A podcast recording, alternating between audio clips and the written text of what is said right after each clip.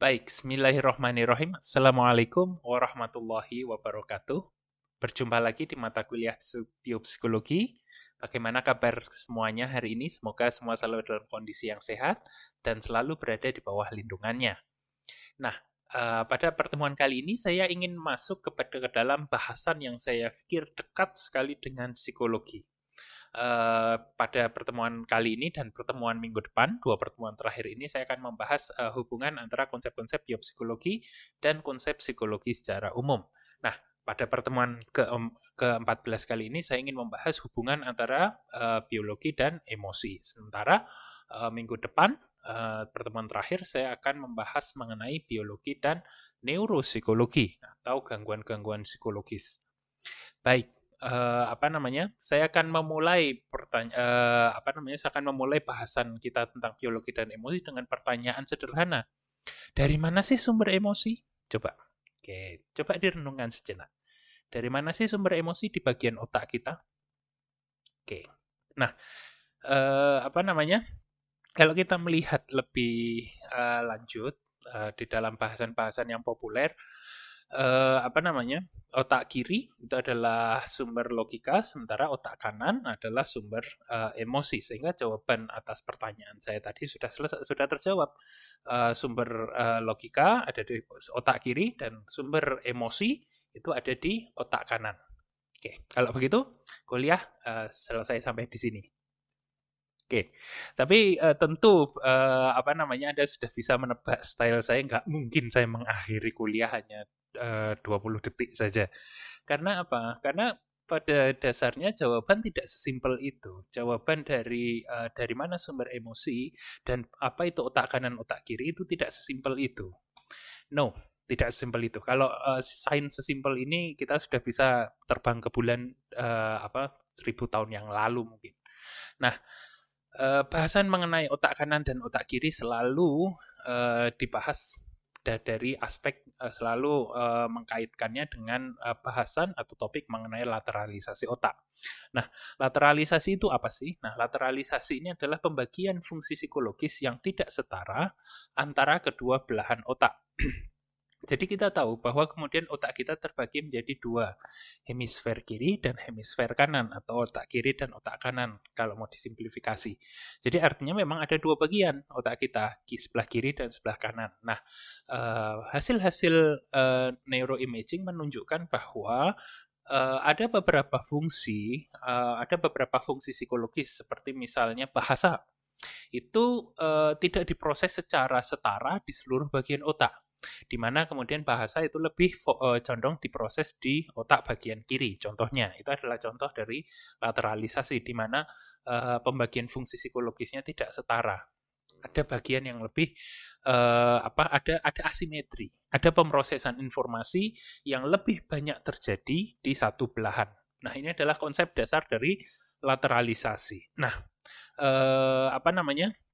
Boleh saya bilang uh, apa namanya orang banyak salah memahami mengenai apa itu otak kiri, apa itu otak kanan. Jadi pada dasarnya uh, orang salah memahami apa itu lateralisasi otak sehingga membawa uh, apa ya namanya, membawa anggapan ya yang seperti yang di awal ini tadi otak kiri uh, logika, otak kanan emosi. Tapi pertanyaannya apakah sesimpel ini otak kita? Jawabannya tidak.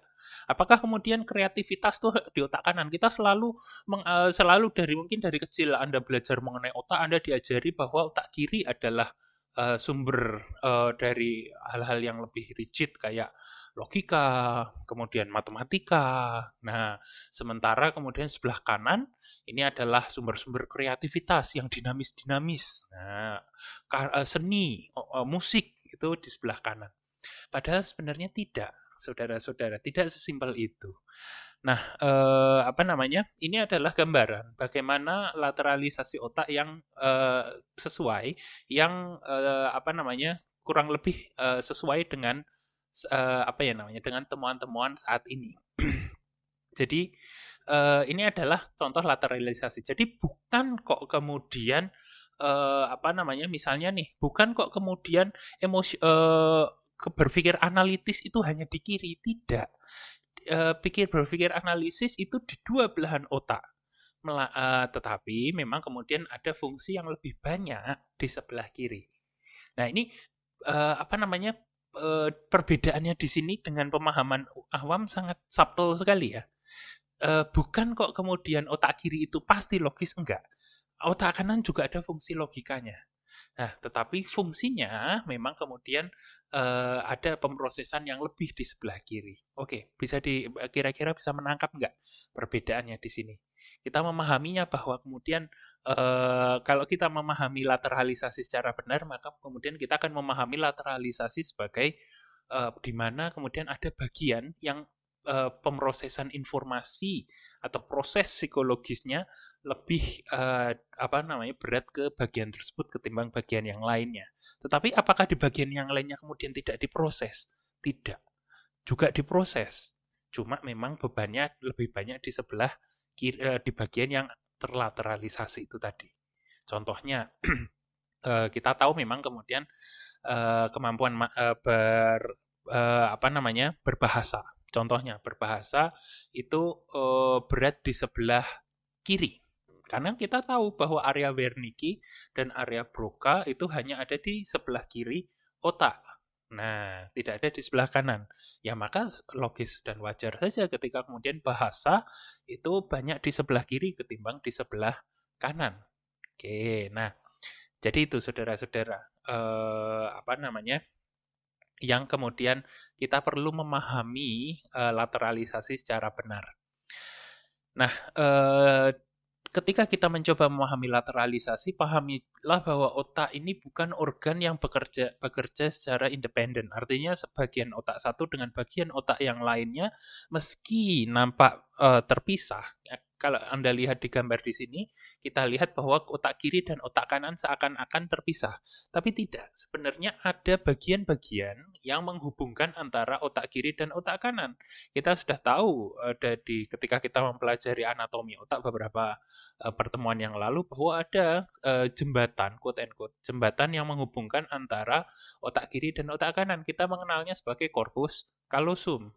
Nah, jadi eh, apa namanya otak kiri dan otak kanan itu dalam memecahkan sebuah permasalahan akan selalu berkomunikasi, akan selalu berkoordinasi antara satu dengan yang lainnya, sehingga mereka bekerja sebagai sebuah sistem, sebagai satu kesatuan. Ya kayak Anda kerja kelompok aja. Saya yakin ketika Anda kerjain kerja kelompok kemarin, ada yang kemudian effortnya lebih di atas uh, teman-temannya bisa jadi.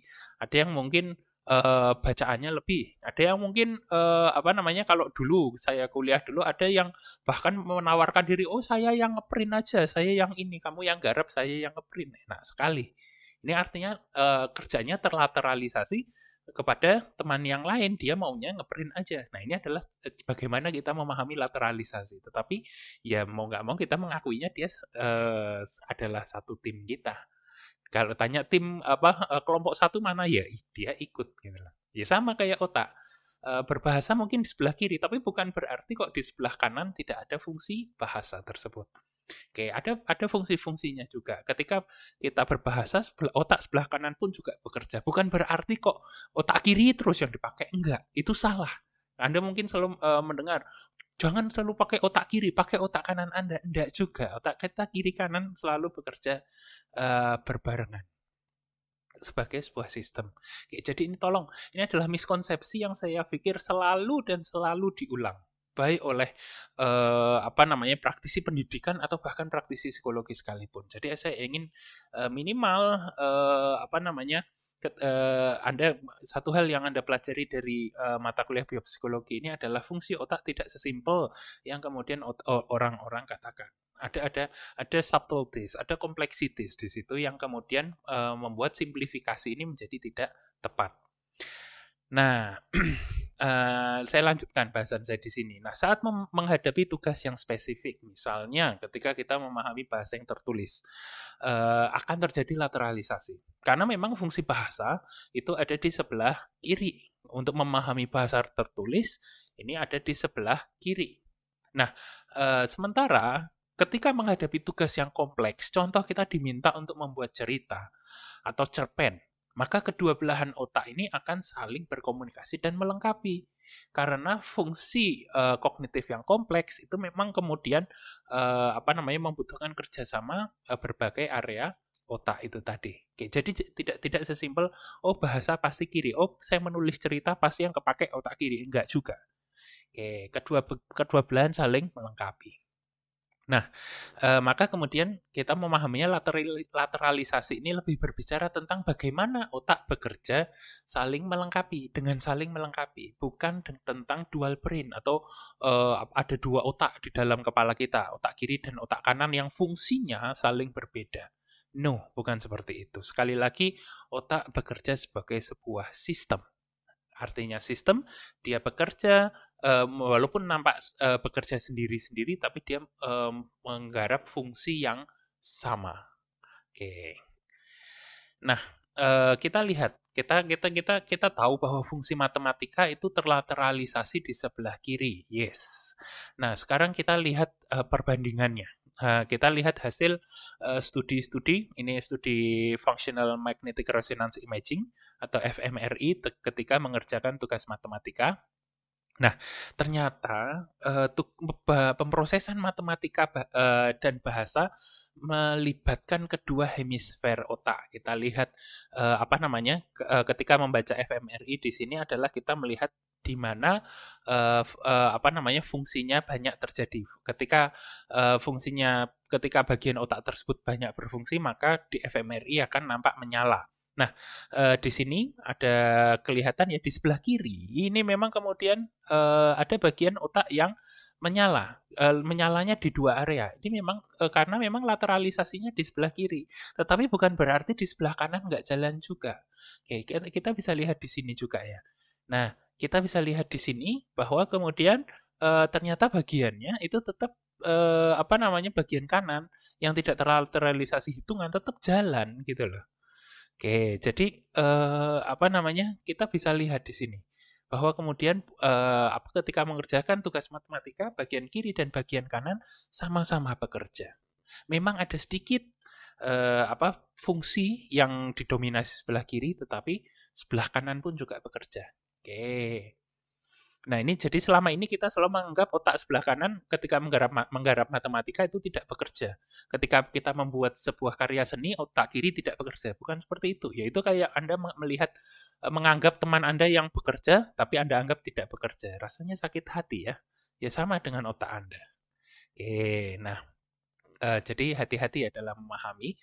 Nah, uh, proses matematika dan operasi hitung pada uh, apa namanya terkonsentrasi pada area oksipital dan temporal dan sedikit pada area frontal. Karena kita memang tahu area oksipital itu area melihat karena kita juga melihat uh, apa namanya membaca ya membaca soal matematika setelah itu diproses di area temporal. Oke karena itu adalah area-area yang uh, banyak berhubungan dengan kemampuan matematika Nah, sementara uh, karena yaitu tadi proses membaca angka uh, apa di uh, apa namanya uh, dominasi oleh area temporal dan oksipital. Oke, lanjut aja.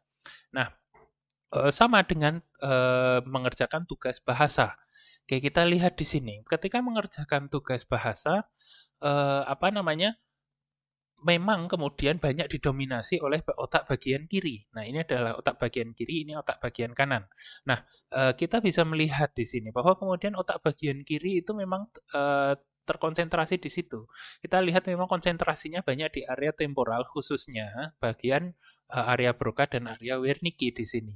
Tetapi bukan berarti kok di sebelah kanan tidak ada pemrosesan bahasa. Ada tetapi cuma uh, memang kemudian bebannya lebih banyak di sebelah kiri. Oke, jadi karena memang uh, area Broca dan area Wernicke memang kemudian adanya di sebelah kiri. Oke, nah ini kita lihat uh, otak saat bermusik. Ternyata ketika bermusik, uh, apa namanya, apa pun itu, uh, mau jazz, uh, mau klasik, di sini adalah contohnya adalah studi uh, musik klasik dengan musik jazz uh, apa namanya ternyata prosesnya global Tidak ada satu bagian yang mendominasi.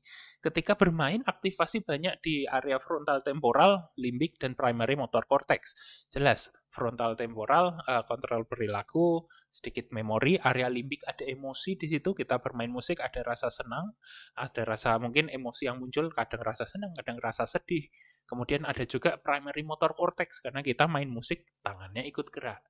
Oke, jadi maka kemudian musik itu adalah uh, apa namanya uh, proses psikologis yang global. Jadi enggak kok kemudian musik itu di sebelah kanan tok, enggak. Oke, nah uh, tetapi ketika kemudian mendengarkan memang ketika kita cuma mendengarkan ini enggak main, maka kemudian lebih ke area temporal karena pemrosesan auditorik ada di area temporal. Nah, ketika mendengarkan dan bermain ada aktivasi DNA atau nucleus accumbens dan amigdala uh, nukleus accumbens dan amigdala ini adalah dua bagian yang nanti akan terlibat dengan emosi. Nah, nanti kita akan mengetahui lebih lanjut uh, fungsi dari nukleus accumbens dan amigdala ini apa saja dalam materi ini. Oke, tetapi yang ingin saya tunjukkan di sini adalah otak ketika bermusik itu tidak terkonsentrasi di sebelah kanan saja, melainkan uh, ini adalah aktivitas yang global. Oke. Kreativitas selalu dikatakan bahwa otak sebelah kanan adalah otak yang bagian kreatif. Enggak juga gitu loh. Bahwa kemudian ternyata ketika uh, apa namanya kreativitas tidak didominasi oleh satu area otak saja melainkan melalui adanya hubungan atau koneksi antar otak antar bagian otak. Kita lihat di sini. Ini adalah menggambarkan network operasional ketika terjadi proses uh, high kreatif nah uh, apa namanya di sini memang kemudian ada uh, lebih banyak uh, sumber atau kemudian koneksinya dengan otak bagian kanan, tetapi otak bagian kiri pun juga bekerja gitu loh. Sehingga kemudian kreativitas ini adalah fungsi yang kompleks, hubungan antara default system, salient system dan executive network yang uh, fungsinya ini kedua uh, ketiga-tiganya ini kadang saling bertolak belakang tetapi untuk memunculkan kreativitas ketiganya bekerja bersama untuk memunculkan hal baru. Jadi prosesnya adalah proses kompleks kompleks uh, yang muncul, kreativitas adalah proses kompleks yang muncul atas sinergi berbagai macam bagian otak. Jadi enggak kok kemudian hanya di sebelah kanan saja. Oke, nah kemudian uh, memahami hal ini, kenapa sih mungkin Anda bertanya, kenapa kemudian terjadi pembedaan kanan dan kiri? Nah, hingga saat ini ahli neuroscience masih berdebat tentang kenapa otak manusia terbagi menjadi dua belahan. Jadi sampai sekarang pun kita masih belum mengetahui secara pasti apa alasannya kenapa otak kita terbagi menjadi dua belahan. Nah, salah satu penjelasannya adalah dari perspektif evolusioner, di mana kemudian uh, evolusi itu berkaitan dengan proses survival. Nah, survival di apa alam itu pasti berkaitan dengan bagaimana kita bisa survive, bagaimana kita bisa uh, melepaskan diri atau melarikan diri dari predator. Nah, uh, otak otak kita ter, uh, terjadi diferensiasi kanan dan kiri karena jika kita melihat predator di sebelah kanan, maka kita harus meresponnya dengan melari ke sebelah kiri bukan melari ke sebelah kanan mendekati predatornya.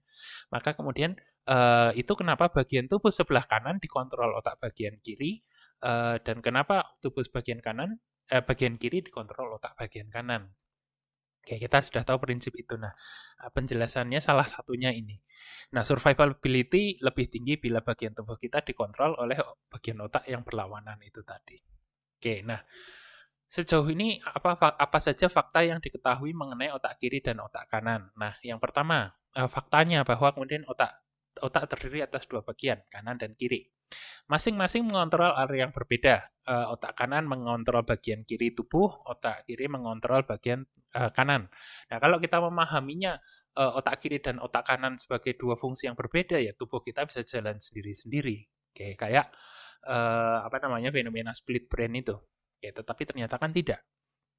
Oke, nah uh, adanya asimetri otak di mana uh, salah satu fungsi lebih banyak dikerjakan di satu belahan, akan tetapi tetap menjadi satu kesatuan fungsi. Ini adalah faktanya.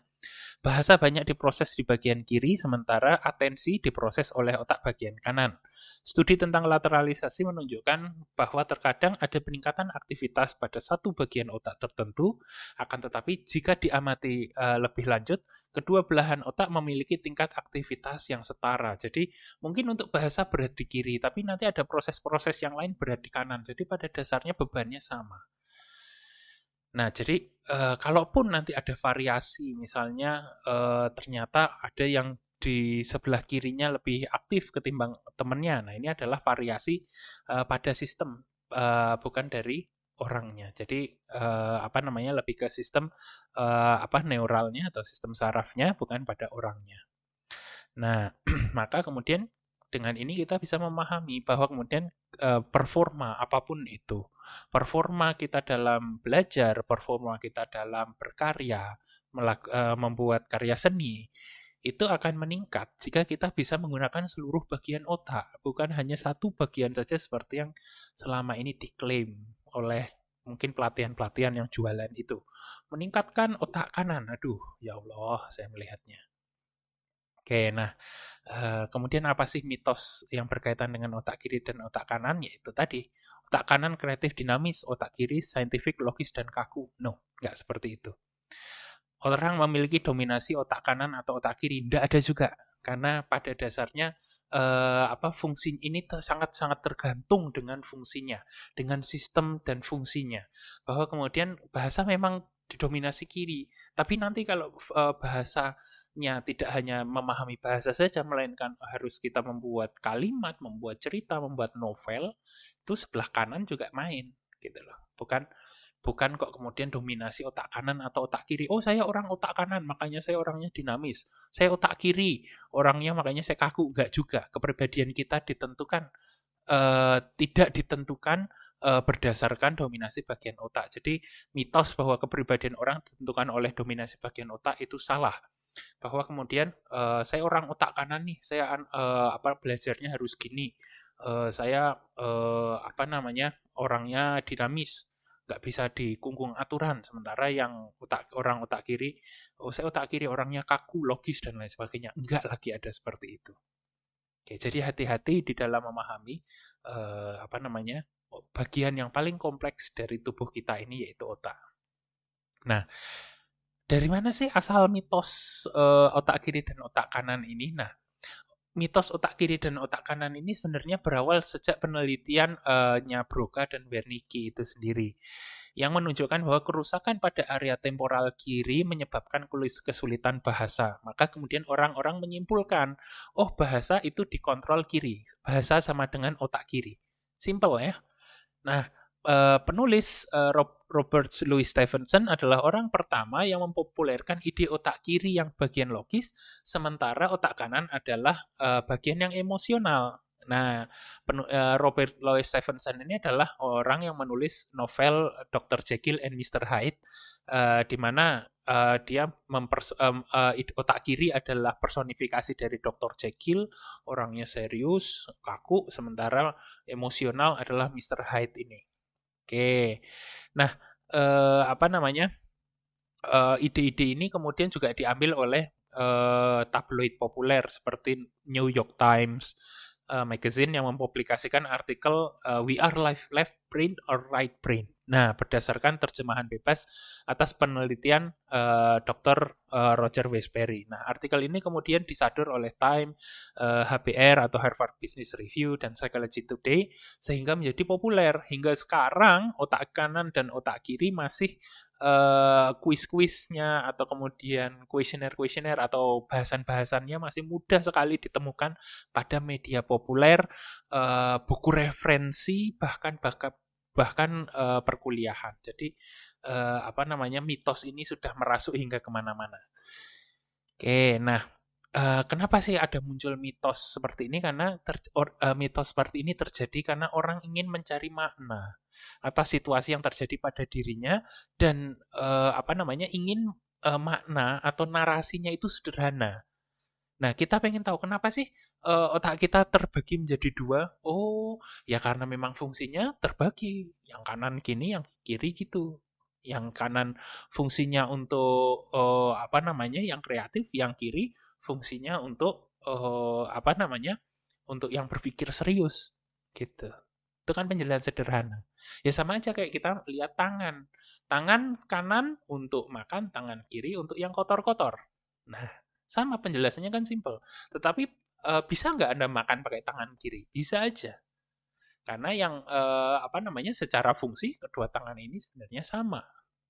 Oke, nah hanya saja konstruksi sosial mengharuskan seperti itu. Nah, sehingga kemudian secara kognisi sosial kita terprogram untuk mengikuti uh, apa aturan tersebut dan penjelasan yang lebih simpel. Oke, kita memang manusia mencoba mensimplifikasi semua hal, tapi sayangnya kadang salah. Nah, jadi uh, apa namanya? Ini adalah upaya untuk kemudian meluruskan mitos-mitos ini tadi. Nah, bagaimana kita harus menyikapi uh, bahasan mengenai otak kanan dan otak kiri? Nah, kita harus memahami bahwa otak itu adalah satu sistem yang berfungsi secara holistik untuk menyelesaikan tugas dan kebutuhan manusia. Oke, tidak ada bukti yang mendukung uh, adanya uh, mitos dikotomi otak kanan dan otak kiri, baik uh, dari psikologi kognitif maupun dari neuroimaging. Nggak ada. Buk dikotomi itu artinya uh, dua bagian yang saling uh, apa dua pilih di antara dua pilihan. Kalau nggak A ya B.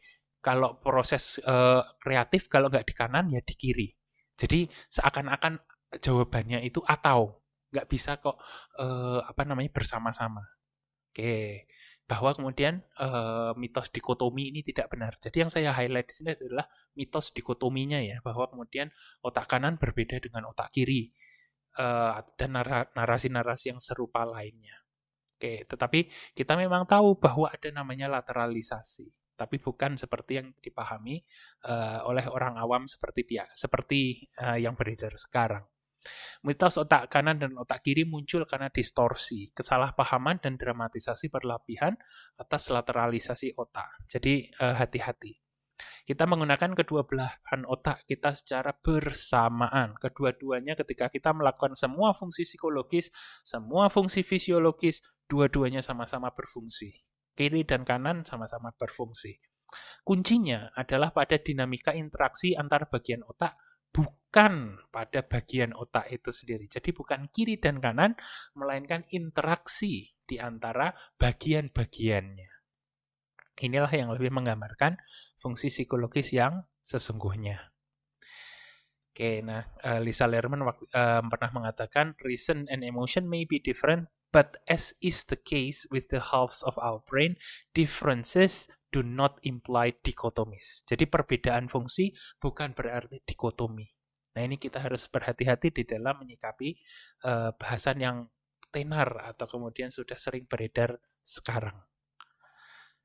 Oke, saya akan masuk sekarang ke dalam uh, bahasan kita mengenai neurobiologi dan uh, neurokimia dari emosi. Tapi saya merasa uh, bahasan mengenai emosi ini nyerempet juga ke bahasan otak kiri dan otak kanan dan saya pikir ini saya uh, memiliki tanggung jawab untuk meluruskan dulu pemahaman Anda mengenai otak kiri dan otak kanan. Oke. Nah, emosi. Nah, mungkin uh, ketika kita Anda mengingat-ingat lagi pelajaran psikologi umum mengenai emosi, Eh, kita tahu bahwa emosi pada dasarnya meliputi tiga aspek, yaitu aspek kognitif, aspek perasaan, dan aspek perilaku. Nah, contohnya adalah dari emosi takut. Saya ambil contoh di sini. Nah, emosi takut contohnya ketika kog, e, secara kognitif kita mempersepsikan ada sesuatu yang berbahaya. Misalnya saya melihat ular. Kemudian perasaan muncul perasaan tidak nyaman. Waduh, itu apa gitu loh. Nah, uh, perilaku kita adalah perilaku yang muncul adalah kesigapan untuk melakukan tindakan. Saya siap-siap mukul ularnya atau saya siap-siap lari. Nah, ini adalah reaksi dari perilaku. Nah, uh, kesigapan seseorang untuk melakukan tindakan memang kemudian akan sangat tergantung pada sistem saraf otonom saya. Oke, sistem saraf simpatis atau parasimpatis. Oke. Nah, eh, apa namanya? Kita ingat-ingat lagi ya sistem saraf simpatis dan saraf parasimpatis karena ini memang adalah dua sistem yang akan terlibat di dalam reaksi emosional kita. Dalam kita saya melihat ular, maka yang aktif adalah sistem saraf simpatis di mana kemudian tubuh saya mengeluarkan energi uh, apa namanya semua fungsi-fungsi yang nggak penting seperti sekresi air mata, air liur itu kemudian berhenti, uh, apa namanya uh, mempercepat aktivitas. Ini uh, apa namanya aktivitas tubuh dipercepat, bagian otot uh, mulai kemudian menegang. Oke, apa namanya kontraksi lambung uh, dihambat, jadi tidak ada fungsi-fungsi yang berjalan, semua fungsinya untuk bereaksi. Oke, nah ini yang kemudian uh, apa namanya kondisi di mana sistem saraf simpatis teraktivasi. Nah, sebaliknya ketika sudah hilang ancamannya, maka sistem parasimpatislah yang bekerja, membalik uh, proses simpatis tadi. Oke, kurang lebih ini adalah bagaimana kita menjelaskan uh, reaksi uh, kita secara perilaku uh, dari perspektif neuropsikologi, eh, biopsikologi. Nah, uh, apa namanya menghubungkan antara saraf dan emosi. Nah, menurut pemahaman awam, nah emosi tidak nyaman ini kurang lebih seperti ini. Emosi tidak nyaman dirasakan, maka uh, apa namanya uh, emosi tadi mengubah laju detak jantung dan respon tubuh lain. Oke, ini adalah pemahaman awam. Tapi ini adalah pemahaman yang kurang tepat karena menurut teori James Lange tentang uh, emosi, aktivasi aksi otonom dan sistem muskuloskeletal yang muncul ini terlebih dahululah yang kemudian uh, muncul terlebih dahulu ketimbang uh, apa namanya emosinya. Jadi emosi itu munculnya di akhir. Munculnya adalah sebagai reaksi atas uh, aktivasi otonom dan sistem uh, apa namanya otot dan rangka kita. Emosi ini sebenarnya adalah label yang diberikan kepada respon yang keluar. Jadi bukan lari menjauh sama dengan takut, tapi tak takut sama dengan lari menjauh. Uh, apa namanya? Uh, ini ini sedikit ini sedikit uh, bersulit kalau kita nggak melihat perbandingannya di sini. Oke, skema per pemahaman awam situasi yang kita berada pada situasi yang menakutkan. Kita melihat ular. Nah, kemudian kita merasa takut, uh, kita bereaksi lari menjauh detak jantung meningkat. Ini ini pemahaman awam ya. Oke, jadi sangat sangat sangat apa ya namanya mudah sekali dipahami. Oh iya saya takut uh, kemudian saya lari. Saya takut kemudian saya lari. Padahal sebenarnya tidak. Kita uh, apa namanya skema berdasarkan teori James Lange, kita melihat situasi yang menakutkan, tubuh kita langsung bereaksi Oke, langsung bereaksi lari menjauh, detak jantung meningkat, barulah kita memahami reaksi kita. Kita mempersepsi, kita memberi makna atas reaksi tubuh kita ini sebagai takut. Jadi takut itu muncul sebagai reaksi tubuh atas situasi. Bukan kok kemudian reaksi tubuh itu muncul uh, atas uh, apa karena perasaan yang muncul karena situasi. Oke, jadi uh, perbedaannya subtle sekali. Jadi uh, apa namanya dan teori James Lange ini lebih make sense ketimbang pemahaman awam. Karena bayangkan ketika Anda me menghadapi se apa seekor predator, Anda se apa seorang uh, manusia menghadapi macan yang kelaparan. Kalau Anda takut dulu, Anda nggak langsung lari, dimakan Anda. Iya toh. Anda memproses rasa takut dulu baru lari processing time, waktu memproses sekian detik itu macannya lompat makan Anda. Maka kemudian secara uh, apa namanya perilaku biologis secara evolusioner lebih make sense teori James Lang di mana situasi yang menakutkan kita langsung bereaksi. Tubuh kita ini reak bereaksi untuk survivability-nya. Kita bereaksi dulu. Dan ketika kita bereaksi kemudian muncullah rasa takut. Oke, apa namanya? Coba deh kita lebih lebih aware lagi dengan uh, apa namanya? Dengan perubahan tubuh kita uh, dengan emosi kita. Bahwa emosi itu muncul setelah ada reaksi fisiologis. Oke, coba anda amati selama beberapa hari ke depan. Tentang uh, apa? Ketika anda merasakan rasa tenang rasa senang rasa sedih rasa takut yang muncul dulu emosinya atau uh, apa namanya atau reaksi tubuhnya. Tetapi eh, reaksi tubuh ini kan uh, apa namanya ya namanya proses di otak itu cepat. Kadang perbedaannya cuma split second. Tetapi uh, apa namanya uh, selam, di dalam psikologi konsep yang diterima adalah konsep yang James Lange ini, di mana kemudian reaksi fisiologis dulu baru reaksi emosional. Oke, emosi sebagai follow up reaksi fisiologis. Oke. Nah, seperti itu. Stimulus melihat ular, otot kaki menegang, detak jantung meningkat, kita merasa takut. Oke, nah implikasinya apa? Implikasi dari teori James Lange, James Lange ini adalah uh, James Lange ini adalah uh, emosi merupakan hasil feedback atau umpan balik dari aksi organ dan otot uh, apa namanya atau atau pemaknaan atas sensasi yang muncul karena aksi organ dan otot. Jadi uh, emosi merupakan hasil feedback uh, aksi organ dan otot tadi, atau kita uh, bisa mengatakannya sebagai pemaknaan atas sensasi yang muncul karena aksi organ dan otot. Nah, umpan balik dari uh, pergerakan wajah, nafas, postur tubuh dapat memunculkan atau memperkuat emosi. Sama ketika Anda uh, apa namanya merasa uh, apa yang namanya sedih, ketika Anda merasa sedih.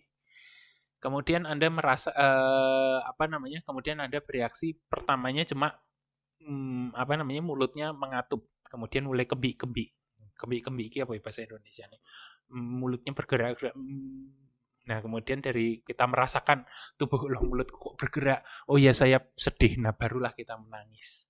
Nah, jadi uh, proses umpan balik ini akan terus kita evaluasi secara uh, pribadi dan ini yang akan memperkuat pengalaman emosional. Nah, sehingga kemudian kalau secara proses ada stimulus uh, dari apa namanya proses tiga tadi ada stimulus kemudian atau sensasi, kemudian kita masuk di dalam otak kita, kita nilai dan kita uh, apa persepsikan secara kognitif Nah, barulah kita bereaksi secara fisik dulu. Baik secara fisik maupun secara keperilakuan dululah. Baru pemrosesan umpan balik, di sinilah emosi baru muncul. Oke, jadi eh, apa namanya? Ini adalah skema yang sesuai dengan konsep teori James Lange itu tadi. Nah, area otak apa sih yang kemudian berkaitan dengan emosi? Nah, kita tahu uh, bahwa ada area-area otak yang uh, secara khusus uh, banyak terlibat di dalam proses emosi. Nah, ahli penelitian terdahulu menganggap sistem limbik uh, seperti hipotalamus, talamus, hipokampus, dan amigdala uh, sebagai area otak yang paling penting untuk emosi. Tapi seperti halnya pemahaman-pemahaman yang sudah lawas, Uh, seiring dengan perkembangan ilmu neurologi dan neurokognitif serta kemajuan teknologi neuroimaging, diketahui bahwa pengalaman emosional tidak hanya melibatkan satu area atau sistem limbik saja, melainkan berbagai area otak. Oke, bahkan di uh, memang kemudian banyak prosesnya di area subkortikal atau di bawah korteks kita, tetapi area korteks itu juga banyak uh, apa namanya um, terlibat di dalam proses emosional gitu. Jadi bukan jadi bukan hanya satu bagian saja melainkan satu kesatuan. Ini sebenarnya relevan dengan apa yang saya sebut di awal tadi sama dengan otak kiri dan otak kanan. Otak kiri dan otak kanan adalah satu bagian dari sistem saraf pusat kita. Bahwa kemudian keduanya bekerja untuk satu tujuan yang sama. Sama aja kayak emosi. Hipo, uh, sistem limbik memang kemudian banyak uh, pemrosesan informasi terjadi di sistem limbik. Tetapi bukan berarti kok hanya di sistem limbik saja. Oke. Nah, sejauh ini uh, apa namanya belum ada penelitian yang dapat mengaitkan emosi tertentu dengan area otak yang spesifik. Nah, tetapi uh, apa namanya memang akhir-akhir ini sudah ada beberapa yang mengerucut ke arah uh, satu area khusus, tapi ini masih uh, work, working progress sebenarnya. Jadi memang kemudian kita uh, bagi anda-anda yang kemudian tertarik dengan bahasan biopsikologi, neuropsikologi, banyak-banyaklah baca jurnal. Karena dari situlah kita akan mengupdate pengetahuan kita. Nah, ini adalah hasil-hasil uh, penelitian terkini mengenai area-area otak, terutama bagian-bagian subkortikal yang berkaitan dengan emosi. Nah, uh, yang pertama adalah formasi retikular atau reticular formation di batang otak. Ini akan berkaitan dengan sistem arousal, alertness, dan wakefulness. Saya sulit kesulitan mencari padanannya dalam bahasa uh, Indonesia karena padanannya sama, yaitu kewaspadaan kita alert, kita sadar, kita waspada, wakefulness kita bangun. Tapi kan wagu kalau saya bangun kebangunan gitu kan juga wagu. Wakefulness itu kita bangun dan sadar akan uh, apa namanya sekeliling kita. Ya intinya adalah uh, formasi retikular ini berkaitan dengan uh, fungsi kesadaran. Tanpa kita menyadari, kita tidak akan mengeluarkan uh, emosi. Oke, karena ingat emosi muncul karena feedback uh, uh, tubuh bereaksi atas stimulus lingkungan dan kita mempersepsikan atau memproses feedback dari reaksi tubuh tersebut. Itulah muncul emosi. Sehingga kuncinya pertama harus aware dulu. Nah, bagian kedua adalah bagian amigdala. Bagian amigdala ini adalah bagian yang uh, apa di dalam sistem limbik yang berkaitan dengan respon terhadap ancaman dan reward. Oke. Nah, ini adalah uh, apa namanya bagian uh, amigdala di atas hipokampus ya. Ini adalah bagian amigdala. Uh, ini adalah bagian yang berkaitan dengan respon terhadap ancaman dan reward. Jadi uh, apa namanya banyak sekali bagian-bagian dari amigdala nanti yang akan memproses emosi-emosi negatif. Oke, karena dia akan berkaitan dengan respon terhadap ancaman. Berikutnya adalah uh, bagian ventral striatum dan nucleus accumbens. Uh, ventral uh, striatum dan nucleus accumbens ini adalah reward center otak manusia. Dia mere uh, merespon sinyal reward dopamin untuk memproduksi rasa senang. Jadi uh, di bagian kedua bagian inilah uh, rasa senang itu muncul. Kemudian area, area ventral tegmental ini adalah uh, bagian yang memproduksi dan melepaskan dopamin. Semua uh, semua itu berada di bagian uh, apa namanya menjadi uh, apa namanya bagian ekstensi dari sistem limbik memang berada di area subkortikal di bawah uh, korteks. Uh, kemudian hipotalamus itu kemarin juga sudah dipelajari. Ini adalah bagian yang meregulasi makan, minum, hubungan seksual dan sistem endokrin. Kemudian korteks insular atau insula. Nah, ini adalah uh, bagian yang Eh, bertugas memonitor bagian tubuh untuk memproduksi emosi somatik atau emosi-emosi yang bisa kita rasakan dengan tubuh kita. Misalnya rasa muak, muak, muak apa ya namanya nggak nyaman perutnya nggak nyaman kemudian rasanya mau muntah. Nah itu adalah uh, yang bertanggung jawab korteks insular kita.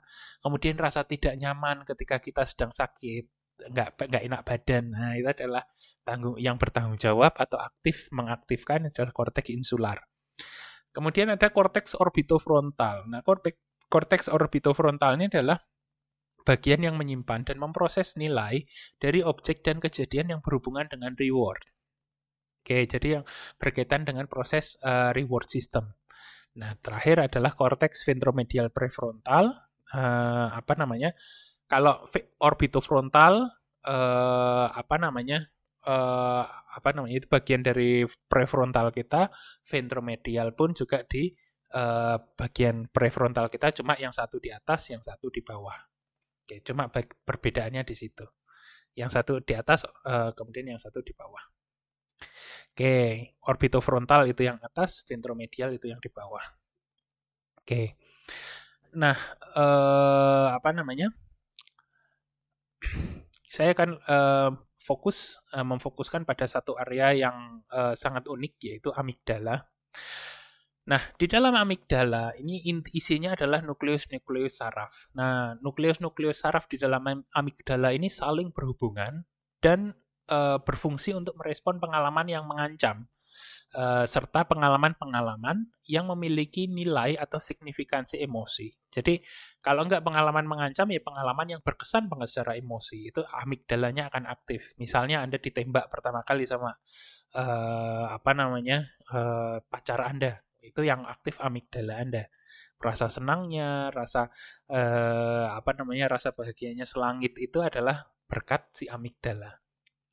Nah, setiap nukleus di amigdala ini memiliki fungsi yang berbeda, yang berhubungan dengan fungsi uh, self-preservation atau fungsi menyelamatkan diri. Karena memang kemudian uh, amigdala ini salah satu tugas utamanya adalah merespon ancaman. Maka kemudian emosi-emosi yang dirasakan pun juga emosi uh, yang berkaitan dengan itu. Sayang, uh, bukan sayangnya, ya emosi yang dirasakan adalah emosi negatif. Contohnya marah, takut dan cemas. Itu adalah emosi-emosi yang muncul di uh, bagian amigdala ini.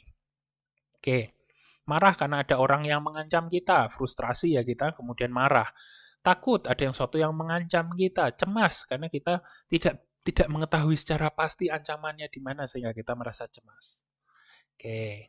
Nah, Kerusakan pada amigdala akan mengakibatkan berbagai macam masalah perilaku, seperti perilaku jinak. Jadi orang yang quote unquote terlalu jinak itu juga nggak nggak nggak baik juga. Dia tidak bisa merespon uh, apa ancaman secara uh, secepat, tidak bisa merespon ancaman secara baik.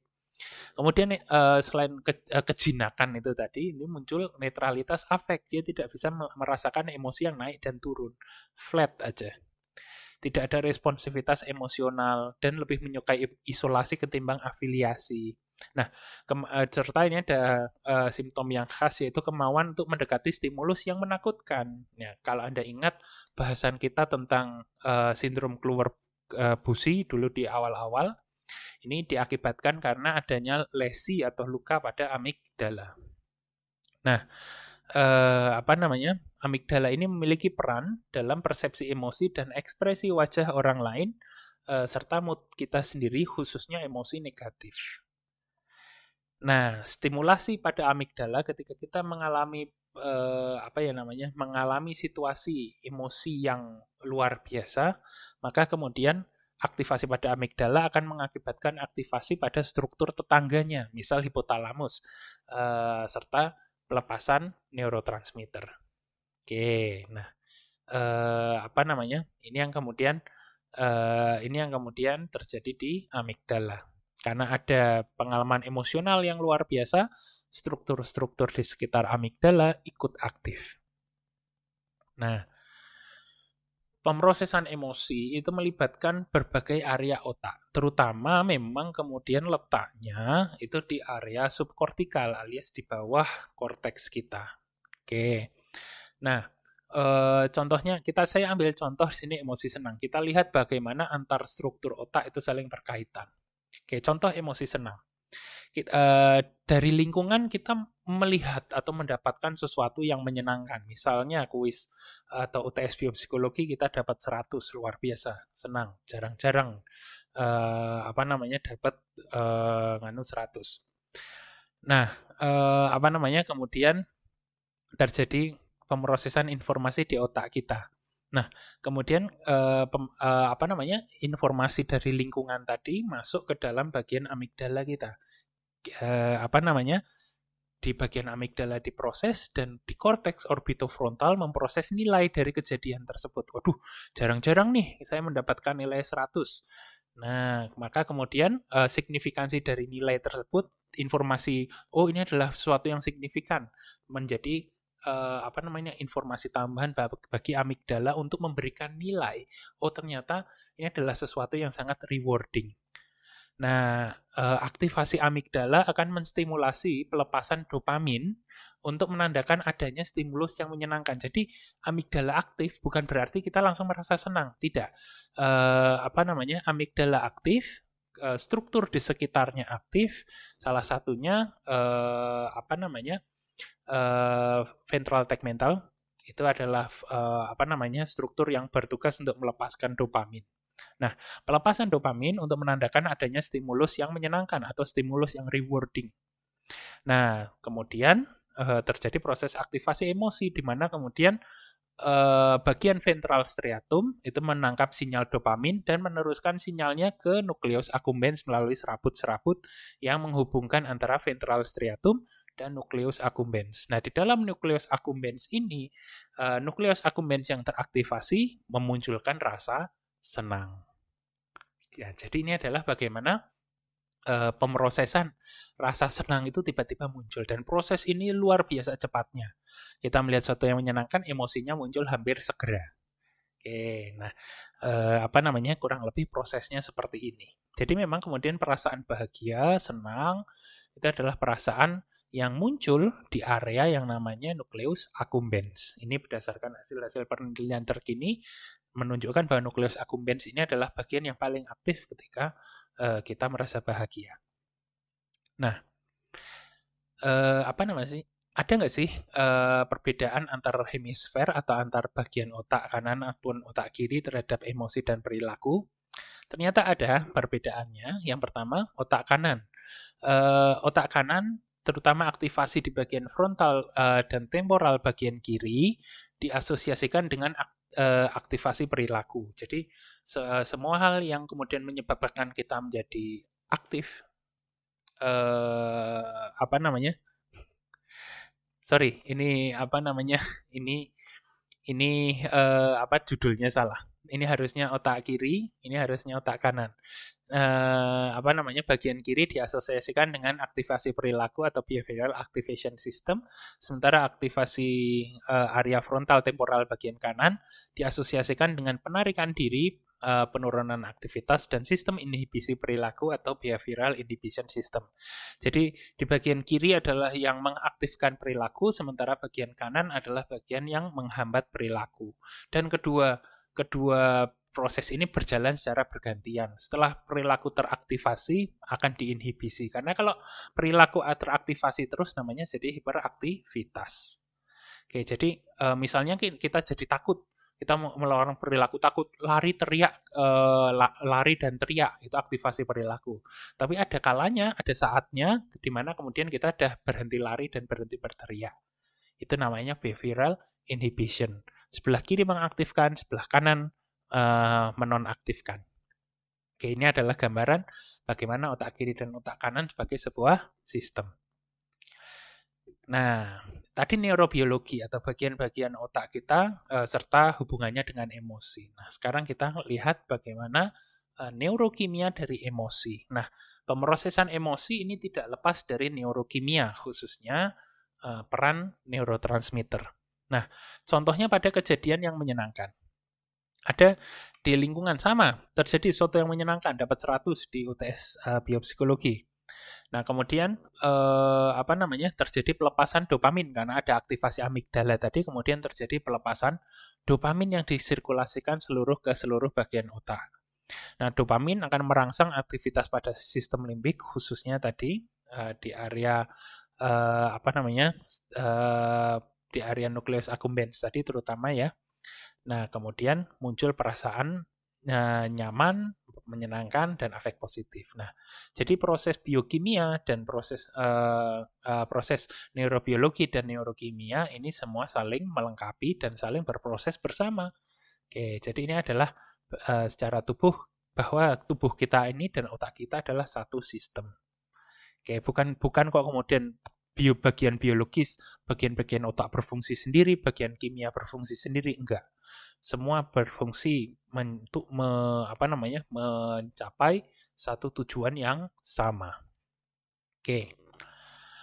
Nah, kita mengenal bahwa uh, bagian dari uh, apa namanya bagian kimiawi yang berkaitan dengan fungsi otak adalah neurotransmitter. Ini adalah beberapa neurotransmitter yang relevan dengan emosi.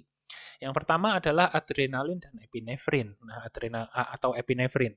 Adrenalin atau epinefrin ini kita mengenalnya sebagai hormon fight uh, hormon neurotransmitter fight or flight.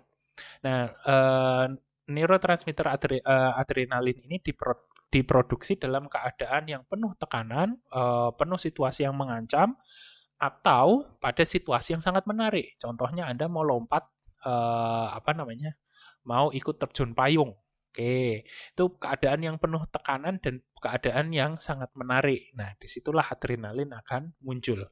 Sama ketika halnya Anda dikejar anjing, itu suatu yang men menyeramkan, adrenalin Anda pun aktif di situ. Fungsinya apa? Adrenalin fungsinya meningkatkan detak jantung dan aliran darah sehingga meningkatkan kesiapan fisik serta kesadaran penuh. Nah, temannya adrenalin adalah noradrenalin atau norepinefrin. Ini akan berkaitan dengan fungsi konsentrasi, bukan konsentrasi belajar, eh, tapi lebih lebih pada eh, atensi kita eh, dan ke, ke apa kesiapan kita untuk merespon.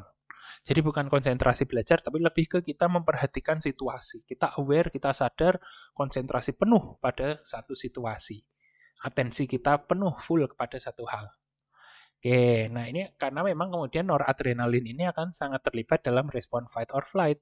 Bagaimana kita bisa merespon dengan cepat kalau kita tidak aware dengan perubahan-perubahan yang terjadi di lingkungan. Anjingnya masih siap-siap, kita kita perhatiannya ke mana-mana, ya udah deh digigit. Tapi kalau kita perhatiannya penuh, anjingnya mulai bergerak, kita ikut lari. Nah, fungsinya noradrenalin apa? Uh, di sini noradrenalin berfungsi untuk mengkontraksi atau mempersempit pembuluh darah sehingga uh, apa aliran darahnya menjadi cepat. Dibantu dari adrenalin, uh, aliran darahnya semakin cepat. Karena apa? Ya memang oh, apa? Ketika ot otot bekerja penuh, dia butuh asupan nutrisi ya dari yang lebih banyak daripada biasanya. Maka kemudian uh, aliran darahnya harus cepat. Nah, tingginya noradrenalin ini akan memunculkan stres, rasa cemas, panik, hiperaktivitas, mania, dan insomnia. Ya, karena memang uh, apa adrenalin dan noradrenalin ini berkaitan dengan uh, aktivasi uh, apa sistem simpat uh, sistem simpatis itu tadi. Karena kalau sistem simpatis kita nggak akan bisa tidur. Ya, karena apa namanya? Karena kita harus ready untuk fight or flight. Nah, sementara noradrenalin yang rendah akan memunculkan kelesuan dan kelelahan kronis. Oke, maka kemudian kalau Anda cepat merasa lelah atau kemudian sering merasa lesu, coba dilihat uh, adrenalin dan noradrenalinnya. Nah, cara untuk menstimulasinya bagaimana? Adrenalin dan noradrenalin ya mau nggak mau memang harus menghadapi rasa sakit atau kemudian e, menghadapi sesuatu yang menyeramkan. Itu akan terstimulasi untuk mengeluarkan adrenalin atau noradrenalin. Nah, ini juga menjelaskan saudara-saudara kenapa Anda suka e, apa namanya? Anda suka deadline, mengerjakan kalau sudah mepet deadline. Karena lihat deadline udah mau habis waktunya, adrenalin dan noradrenalinnya muncul sehingga Anda akan aware, langsung garap. Kalau noradrenalinnya nggak ada, aduh lesu, aduh lemas, letih. Eh, tidak jadi nggarap tugas. Tapi ketika sudah mau deadline, ya sudah, uh, tergaraplah tugas itu. Karena ya memang yang aktif dua uh, hormon uh, dua hormon neurotransmitter ini. Nah, berikutnya adalah dopamin. Nah, dopamin ini adalah rasa senang, uh, nyaman, dan puas. Nah, kalau Anda perhatikan di sebelah kiri ini, ini adalah struktur uh, kimia dari uh, struktur rantai kimia dari eh, masing-masing hormon neurotransmitter ini. Oke, uh, apa namanya? Dopamin ini adalah uh, hormon yang berkaitan dengan rasa senang dan nyaman dan puas. Dia memunculkan perasaan enak dan khususnya adiktif. Jadi apa namanya? Rasa senang yang dimunculkan oleh uh, dopamin ini adalah rasa senang yang aditif. Orang cenderung akan mengulang perilaku yang menstimulasi pelepasan dopamin. Oke, nah jadi uh, karena dopamin ini berkaitan dengan reward system tadi, sesuatu yang rewarding. Uh, kalau Anda ingat sistem uh, behavior-nya Skinner ya, uh, kita mendapatkan reward, perilakunya akan cenderung diulang. Itu kan prinsipnya pengkondisian operan ya. Nah, uh, apa yang berfungsi di situ? Yaitu hormon dopamin. Oke, ketika terjadi pelepasan dopamin, kita akan cenderung mengulang perilaku yang kemudian dapat memunculkan hormon dopamin itu. Karena merasa senang, merasa nyaman, dan merasa puas itu candu. Kita merasa ingin merasakannya lagi. Oke, nah eh, apa namanya? Ini yang kemudian eh, menjelaskan kenapa kok kemudian eh, perilaku yang memunculkan pelepasan dopamin ini ingin diulangi. Nah, sayangnya eh, apa namanya? pelepasan dopamin yang berlebihan ini dapat kemudian menyebabkan abnormalitas. Salah satunya dapat memunculkan simptom-simptom psikosis seperti halusinasi atau delusi. Oke, nah eh, dan dopamin ini berkaitan dengan perilaku adiktif seperti misalnya kenapa kok kita sering eh, kenapa kita eh, senang eh, bahkan tergantung dengan misalnya perilaku judi. Orang kenapa sih ngulang-ngulang terus padahal tahu kalah? Karena kemudian uh, ada masa-masa yang kemudian dia mendapatkan penguatan atau mendapat reward. Nah, dopaminnya keluar, dia ingin mengulangi situasi itu tadi, main terus lah. Ya sama dengan uh, adiksi-adiksi yang lain, adiksi judi, adiksi film porno misalnya, uh, apa namanya? Kemarin kita sempat bahas juga ya uh, bagaimana uh, film porno ini juga melepaskan uh, apa namanya menjadi melepaskan dopamin sehingga kita menjadi addicted, menjadi uh, ingin mengulanginya lagi. Addicted itu kan intinya mengulanginya lagi terus dan terus menerus. Oke. Okay. Dan ini akan menjadi masalah perilaku. Adiksi apa pun itu akan ada hubungannya dengan dopamin. Oke. Nah, uh, berikutnya adalah GABA atau gamma aminobutyric acid, uh, GABA ini berfungsi sebagai penenang. Dia ber, berfungsi menenangkan uh, sinapsis saraf pada saraf tulang belakang. Jadi setelah ada uh, sinapsis, setelah ada neuronal firing, maka kemudian ada hormon yang menenangkan. Oke, cukup, selesai. Oke, tingginya GABA akan meningkatkan fokus. Sementara GABA yang rendah alias neuronal firingnya terus, nggak berhenti-berhenti, justru ini menyebabkan rasa cemas. Karena neuronal firingnya aktif terus atau sinapsisnya aktif terus, artinya kan kita merasa ada uh, sesuatu. Ada hal-hal yang misalnya uh, mengancam kita. Kita merasa belum tahu ini apa sih. Kok saya nggak merasa nyaman. Ada mungkin merasa kalau lagi di uh, apa namanya ruangan gelap gitu nyari sesuatu gelap-gelap. Misalnya anda balik ke VIP malam-malam nyari barang ketinggalan rasanya kan cemas sekali. Nah ini ya kurang lebih seperti itu. Karena kita dituntut untuk selalu aware. Uh, saraf kita selalu bersinapsis mengirimkan informasi-informasi. Sehingga kedengeran sesuatu kresek ada suara gitu langsung sedikit tubuhnya langsung iya karena apa? Karena uh, sinapsisnya jalan terus. Kalau gabahnya jalan, kresek gitu, kita mungkin nggak dengar atau bahkan wap atau itu. Nggak, kita tidak bereaksi. Oke, nah uh, apa namanya? Jadi ini adalah GABA atau gamma, gamma aminobutyric acid. Nah, berikutnya adalah endorfin. Nah, endorfin ini adalah hormon yang kemudian uh, bertanggung jawab untuk memunculkan euforia. Nah, eh, apa namanya? Pelepasan eh, hormon endorfin ini terjadi ketika ada aktivitas fisik, misalnya Anda berolahraga. Berolahraga itu adalah salah satu cara untuk melepaskan hormon endorfin yang baik. Kemudian eh, kegembiraan ataupun ketika melakukan hubungan seks. Nah, ini berkontribusi pada kesejahteraan psikologis dan euforia serta mengurangi rasa sakit. Nah, tingginya endorfin ini dapat mengurangi rasa sakit dan meningkatkan percaya diri. Rendahnya endorfin menyebabkan munculnya rasa sakit, percaya diri yang rendah, dan rasa tidak nyaman. Oke, jadi untuk uh, apa namanya? Kalau misalnya tubuh Anda sering nggak merasa nggak enak, ini berolahraga berolahraga lah Anda. Oke, karena ini akan melepaskan hormon endorfin. Oke, dengan tingginya endorfin, rasa sakit akan berkurang. Nah, cara lain, uh, salah satunya adalah uh, ada beberapa orang yang juga mengkonsumsi alkohol. Alkohol ini uh, apa namanya dapat juga melepaskan endorfin. Uh, kenapa? Kemudian uh, orang mengkonsumsi alkohol ya karena kemudian ketika dia mengkonsumsi alkohol rasa sakitnya berkurang, uh, rasa tidak nyamannya berkurang. Oke, maka kemudian dia oh enak nih rasanya, lanjutlah dia minum, terjadilah adiksi. Oke, karena ada nanti kaitannya ketika rasa sakitnya hilang, dopaminnya naik. Nah, dopaminnya keluar, tergantunglah dia. Oke, jadi ini ada menjelaskan kenapa orang uh, ketergantungan dengan alkohol ya. Oke. Nah, uh, karena basicnya alkoholisme itu escape atau pelarian dia atas uh, sebuah rasa sakit. Nah, uh, kemudian serotonin. Uh, serotonin ini adalah hormon yang berkaitan dengan mood. Dia berkontribusi pada kesejahteraan psikologis dan kebahagiaan. Oke, nah dia membantu mengatur siklus tidur uh, dan regulasi pencernaan. Nah, hormon serotonin ini dipengaruhi oleh aktivitas fisik dan paparan cahaya. Jadi memang aktivitas fisik seperti olahraga uh, ini memiliki uh, benefit yang luar biasa ya. Tidak hanya meningkatkan mood, dia juga bisa mengurangi rasa sakit itu tadi. Jadi pelepasannya tidak hanya endorfin tapi juga serotonin. Hmm, terutama kalau Anda mainnya di luar. Oke, mainnya di luar, beraktivitas fisik. Nah, ini maka kemudian serotoninnya menjadi aktif. Nah, tingginya serotonin memunculkan rasa senang dan tenang. Nah, sementara rendahnya serotonin menyebabkan rasa cemas, mudah marah, perasaan tidak nyaman, bahkan eh, apa namanya serotonin rendah yang kronis atau berkelanjut dalam berkelanjutan dalam waktu yang lama, inilah yang diketahui menyebabkan depresi dan gangguan cemas.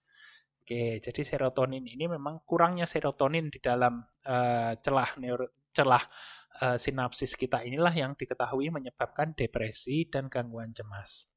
Maka kemudian salah satu intervensi depresi selain menggunakan uh, farmakoterapi adalah dengan uh, apa namanya melakukan apa yang disebut dengan behavioral activation atau kita melakukan aktivasi perilaku. Kenapa kok orang orang uh, yang mengalami depresi atau ketika kita sedang di depresi itu rasa-rasanya dunia gelap kita lebih menyenangi uh, atau prefer mematikan lampu uh, apa ngeruntel di tempat tidur saja nggak ke mana-mana ya karena memang uh, ini yang kemudian mengurangi berakhir uh, karena kurangnya serotonin itu tadi. Maka untuk meningkatkan serotonin, aktivasi perilaku, yuk aktif. Uh, apa namanya? keluar dari lingkungan kita, terpapar cahaya, beraktivitas, dan lain sebagainya. Tetapi tentu ada cara-cara untuk melakukan aktivasi perilaku. Ini konsep umum saja. Tapi nanti untuk lebih jelasnya Anda bisa lihat di uh, belajar di magister profesi. nah, itu adalah konsep aktivasi perilaku yang berkaitan dengan meningkatkan hormon serotonin itu tadi. Oke. Nah, eh, terakhir adalah hormon dan emosi. Nah, tidak hanya ke enam hormon neurotransmitter tadi, ada hormon-hormon umum juga yang kemudian berkaitan dengan emosi. Salah satunya adalah kortisol. Nah, kortisol ini adalah hormon stres. Dia uh, hormon kortisol ini muncul ketika kita merasa tertekan, merasa bermasalah, punya masalah tertekan banget. Nah, itu uh, kortisol muncul. Nah, kortisol ini memiliki hubungan dengan penurunan fungsi intelektual. Itu kenapa ketika kita tertekan, kita rasanya jadi nggak bisa mikir dengan jernih ya karena uh, kita dipenuhi oleh kortisol. Munculnya efek negatif dan masalah-masalah kesehatan lainnya. Kemudian testosteron. Testosteron adalah hormon yang uh, apa namanya dimiliki oleh semua ya. Laki-laki perempuan sama-sama punya testosteron. Uh, ini adalah hormon yang kemudian memiliki hubungan dengan dorongan seksual yang tinggi. Dia mendasari usaha untuk melakukan uh, hubungan seksual. Oke jadi ini testosteron ini memang sangat berkaitan dengan dorongan seksual Nah, oksitosin terakhir adalah oksitosin. Oksitosin ini adalah hormon bonding, di mana eh, apa namanya dengan munculnya oksitosin kita akan cenderung merespon stres dengan mencari nasihat, dukungan dan kasih sayang dengan orang kepada orang lain di kala tertekan. Nah, ini berbeda dengan kortisol dan eh, apa namanya rendahnya serotonin tadi yang mendorong perilaku tertutup. Kalau oksitosin ini adalah eh, hormon yang meningkatkan keinginan untuk connect atau bonding dengan orang lain. Uh, ada yang mengatakan oksitosin hormon cinta itu sebenarnya juga tidak terlalu tepat karena uh, oksitosin ini di semua di semua relasi di semua hubungan antar manusia itu ada hormon oksitosinnya. Oke, jadi tidak hanya eksklusif hanya pada cinta saja. No. Sekali lagi hati-hati dengan oversimplifikasi dengan penjelasan-penjelasan yang terlalu mensimplifikasi satu uh, apa namanya fungsi psikologis. Kita perlu lebih berhati-hati dalam memahaminya. Oke, saya pikir itu yang bisa saya sampaikan mengenai apa proses emosi uh, dan kaitannya dengan bio, biolog proses biologis dan proses kimiawi di dalam diri kita. Minggu depan akan saya lanjutkan dengan materi mengenai uh, gangguan psikologis dan hubungannya dengan biopsikologi. Terima kasih banyak atas atensi Anda. Apabila Anda ada pertanyaan bisa dilayangkan di Google Classroom. Saya tutup. Bila taufik wal hidayah. Assalamualaikum warahmatullahi wabarakatuh.